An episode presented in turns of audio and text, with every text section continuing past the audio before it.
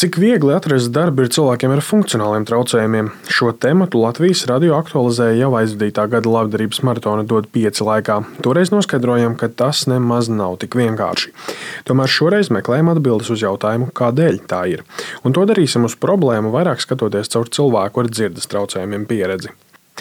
Latvijas Nedzirdīgo savienības rehabilitācijas centra sociālais darbinieks un surdo tulks Rolands Brīkmanis ar cilvēkiem, kuriem ir dzirdes traucējumi, strādā ikdienā, un viens no Brīkmaņa uzdevumiem ir palīdzēt viņiem meklēt darbu.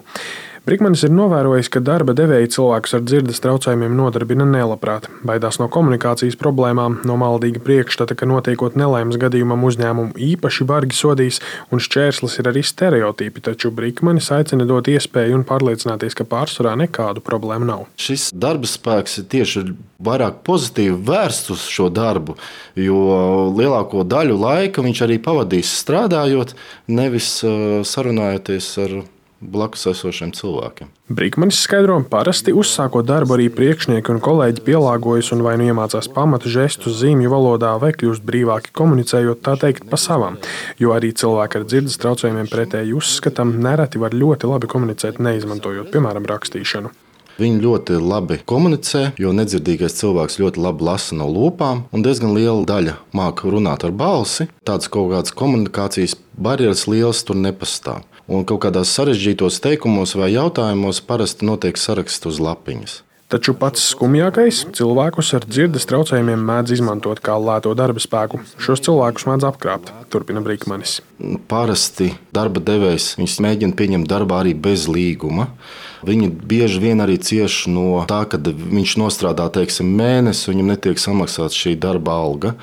Un vēl tāds precedents, kad Mēs atradām darba devēju, darbinieks aizgāja uz darba pārunām, un viņam pasaka, ziniet, mums tomēr darbinieks nav vajadzīgs, bet eh, mēs jūs varētu pieņemt eh, darbā uz puslodzi, bet jums būs jānostrādā 6-7 stundas dienā. Bet jūs par to neuztraucaties, jo jūs taču saņemat eh, invaliditātes pensiju. Taču netrūkst arī labu piemēru. Putnu fabrikā ķekava strādā vairāk nekā 30 cilvēki ar funkcionāliem traucējumiem, no tiem dzirdes traucējumi ir četriem, stāsta uzņēmuma izpildirektore Aiva Banga. Ja konkrēti runājam par šiem cilvēkiem ar dzirdes traucējumiem, tad šobrīd eh, tās ir tādas amatpozīcijas kā darbsmētāšana un arī ir eh, cilvēki, kas strādā putnu ķeršanā.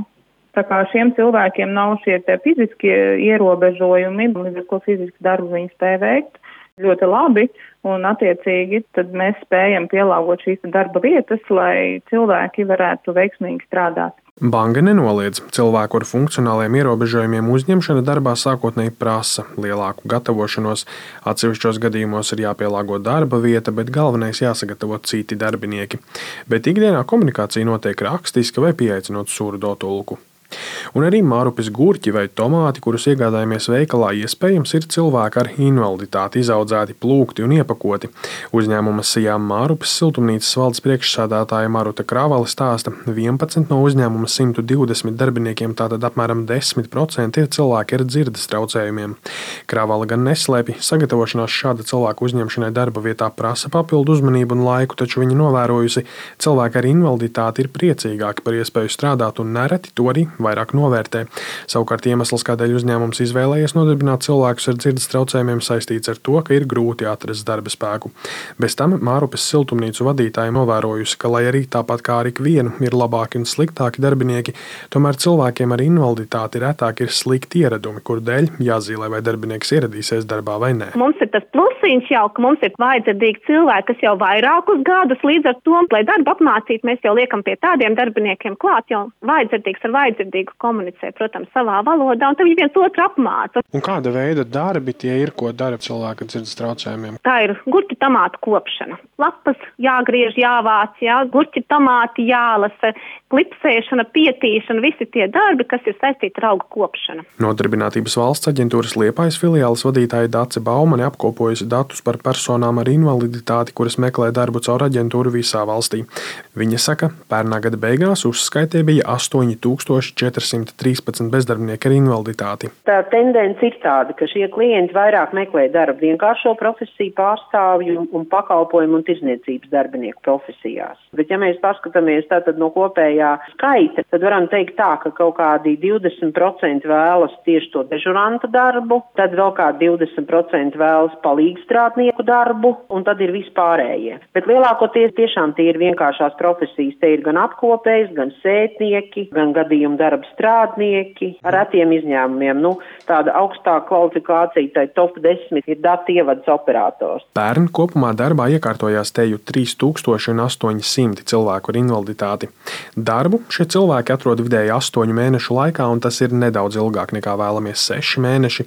Tikmēr invalīdu un viņu draugu apvienības apērons vadītājs Ivars Balodis, līdzīgi kā Neredzīgo savienības sociālais darbinieks un uzrunātie uzņēmēji uzsver, galvenais ir dot iespēju. Taču daudz darba devēju un potenciālie kolēģi to vienkārši nedara. Balodis gan uzsver, ja piemēram cilvēkiem ar kustību traucējumiem iespēja iekļauties darba tirgū kļūst lielāka, tad ļoti sliktā situācijā vēl joprojām ir personas ar intelektuālās attīstības traucējumiem.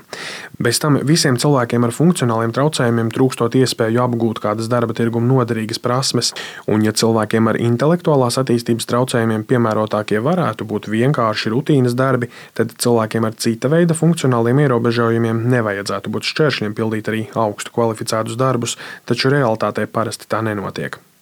Apērona vadītājs Ivars Balodis sakās, protams, ir arī labi piemēri, kur cilvēki ar invaliditāti ir vidēja vai pat augstākā līmeņa vadītāji, taču kopumā tā ir kompleksa problēma, jo invaliditātes diktētas atšķirīgas iespējas starp cilvēkiem sākas jau izglītības iegūšanas procesā, un kamēr visi šie jautājumi netiek sakārtoti, cilvēkiem ar funkcionāliem traucējumiem arī būs grūti konkurēt darba tirgū. Un, ja bērni mācās skolā ar kādu veidu invaliditāti, ar visiem pārējiem bērniem, tad pēc tam tās problēmas ir krietni mazākas. Gan pašai motivācijai, gan vēlmei būt sabiedrībā, gan arī pašas izglītības kvalitātes ieguvē. Un, un tad tu līdzvērtīgi visiem pārējiem vari startēt uz jebkuru darba vietu, kur tu esi iedomājies un īstenot savus dzīves sapņus, kā vien tu gribi. Mums arī labi piemēri, piemēram, izglītību ieguvuši neklātienē Amerikā, grafiskā dizaina nodaļā un patreiz brīnišķīgi darbojās un strādā un spēj sevi īstenot kā brīnišķīgi mākslinieki. Tā kā tas viss ir iespējams tikai nu, jābūt tai sapratnei un iespējai. Tomēr visa pamatā ir tikai un vienīgi sabiedrības, tostarp potenciālo darba devēju attieksme un Latvijas nedzirdīgo savienības rehabilitācijas centra sociālais darbinieks un surdo tulks Rolands Brikmanis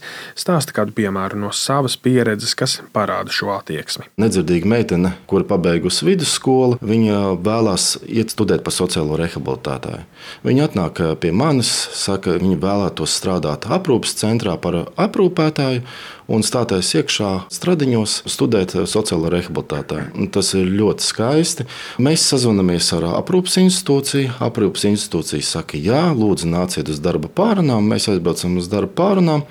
Direktori paskaidro, ka viņi iedomāties nedzirdīgu cilvēku aprūpētāju nevar, ka viņi var iedomāties tikai, kad šāds cilvēks varētu strādāt par apkopēju. Un, protams, man uzreiz bija jautājums pretī, kā jūs iedomājaties, kā es tagad šim cilvēkam to iztulkošu. Viņam ir savi sapņi un savas vēlēšanās, un jūs tagad viņai pasakat. To, ka jūs varat iedomāties šādu cilvēku tikai par apkopēju, kā jūs šim jaunam cilvēkam nogriežat nost visus sapņus, Tomēr visi uzrunātie ir viensprātis, ir jādod iespēja, jāredz, ka arī cilvēki ar funkcionāliem traucējumiem teju vienmēr var darīt darbus tāpat kā jebkurš cits, un ja arī kādu darbu objektīvu iemeslu dēļ nav iespējams veikt, ir iespēja darīt ko citu. Darba devējiem galvenais ir nebaidīties. Rolands Brīkmanis topošajiem vadītājiem iesaka rīkoties radoši, piemēram, sazināties ar atbildīgajām iestādēm, lūgt pārbaudīt, vai darba vieta ir piemērota, lai tajā strādātu cilvēks ar funkcionāliem traucējumiem, un pēc tam lūgt iestādē rakstisku apliecinājumu. Brīkmeņa pieredzē tas darba devējiem bieži dodot mieru, ka darba vietā bez problēmām var nodarbināt cilvēkus ar funkcionāliem traucējumiem. Kristaps Feldmanis, Latvijas radio.